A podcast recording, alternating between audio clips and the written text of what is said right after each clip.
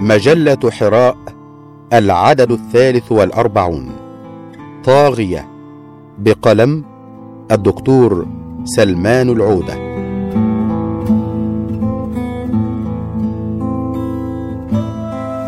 الأنا الطاغية تبدأ بأنا وتنتهي بمن أنتم والكبر بطر الحق وغمط الناس أخرجه مسلم.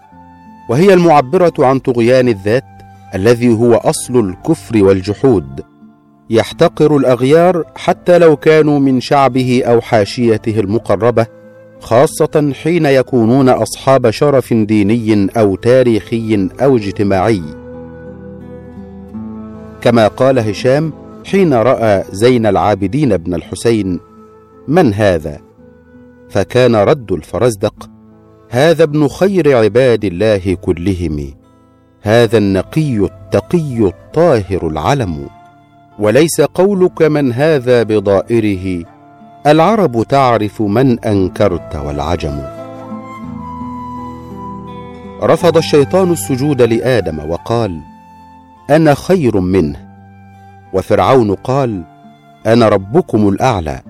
وقارون قال إنما أوتيته على علم عندي.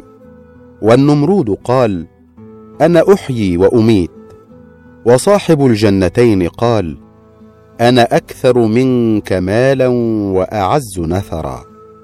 الاغترار بالجنس أو بالعنصر أو بالسلطة أو بالمال أو بالعلم أو بالوزارة يغري بعبادة الذات ونسبة الخير إلى النفس والشر إلى الغير.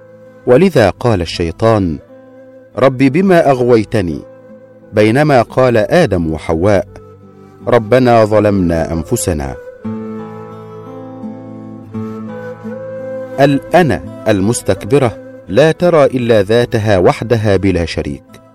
مسلمات العلم تمر عبر الذات. أعتقد أن سرعة الضوء تساوي كذا وأن الشمس أكبر من الأرض بكذا.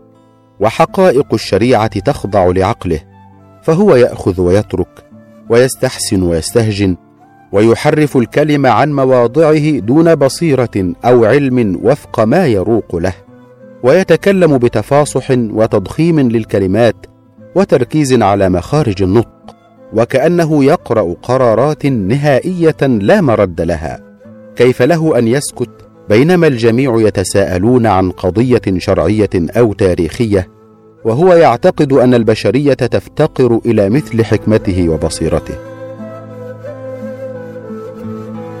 من لم يعبد ربه عبد نفسه. الإكثار من ذكر النفس يولد نسيان الله. فاذكروا الله كذكركم آباءكم أو أشد ذكرا ذكر الآباء تمهيد لذكر النفس وعوضا عن ذكر النفس شرع لنا ذكر الله ومن نسي الله أنساه نفسه نسوا الله فأنساهم أنفسهم. معظم الرذائل ناتجة عن توثين الذات.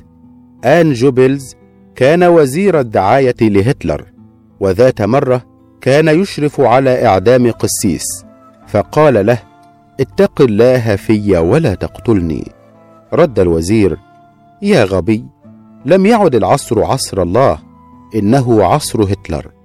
انتهى به المطاف إلى أن انتحر هو وعائلته وزعيمه هتلر والجزاء من جنس العمل. استعلاء الذات يعني ازدراء الآخرين والنظر للشعوب على أنها دهماء ورعاع وهمج فلا بد من الوصاية عليها وحمايتها من نفسها. على النقيض يمكن استذكار تشرشل رئيس الوزارة البريطانية أيام الحرب الثانية والذي حقق أعظم انتصار في تاريخ بريطانيا. لقد رفض أن يعلن الأحكام العرفية على شعبه أثناء الحرب وقال لا أجمع على شعبنا وطأة الحرب ووطأة الأحكام العرفية. بعد النصر أخفق حزبه في الانتخابات العامة وترك الرجل الوزارة بصورة طبيعية. ولم تهتف له الجماهير في الشارع بالروح بالدم. في سورة العلق قرن العلم بالإيمان لقمع الغرور المعرفي وشرع العبادة والسجود والقرب من الله لقمع الذات الطاغية المنفصلة عن ربها. كلا إن الإنسان ليطغى أن رآه استغنى وذكر بالرجعة الموت والبعث ليحفز النفس على النظر في حالها. وذكر نموذج الطاغية أبي جهل الساعي إلى مصادرة حرية الناس في عبادة ربهم وهو الذي ينهى عبدا إذا صلى وتوعده بقوله لئن لم ينته لنسفعا بالناصية ناصية كاذبة خاطئة. وفي السورة إشادة بالإنسان المترقي من العلق إلى العقل.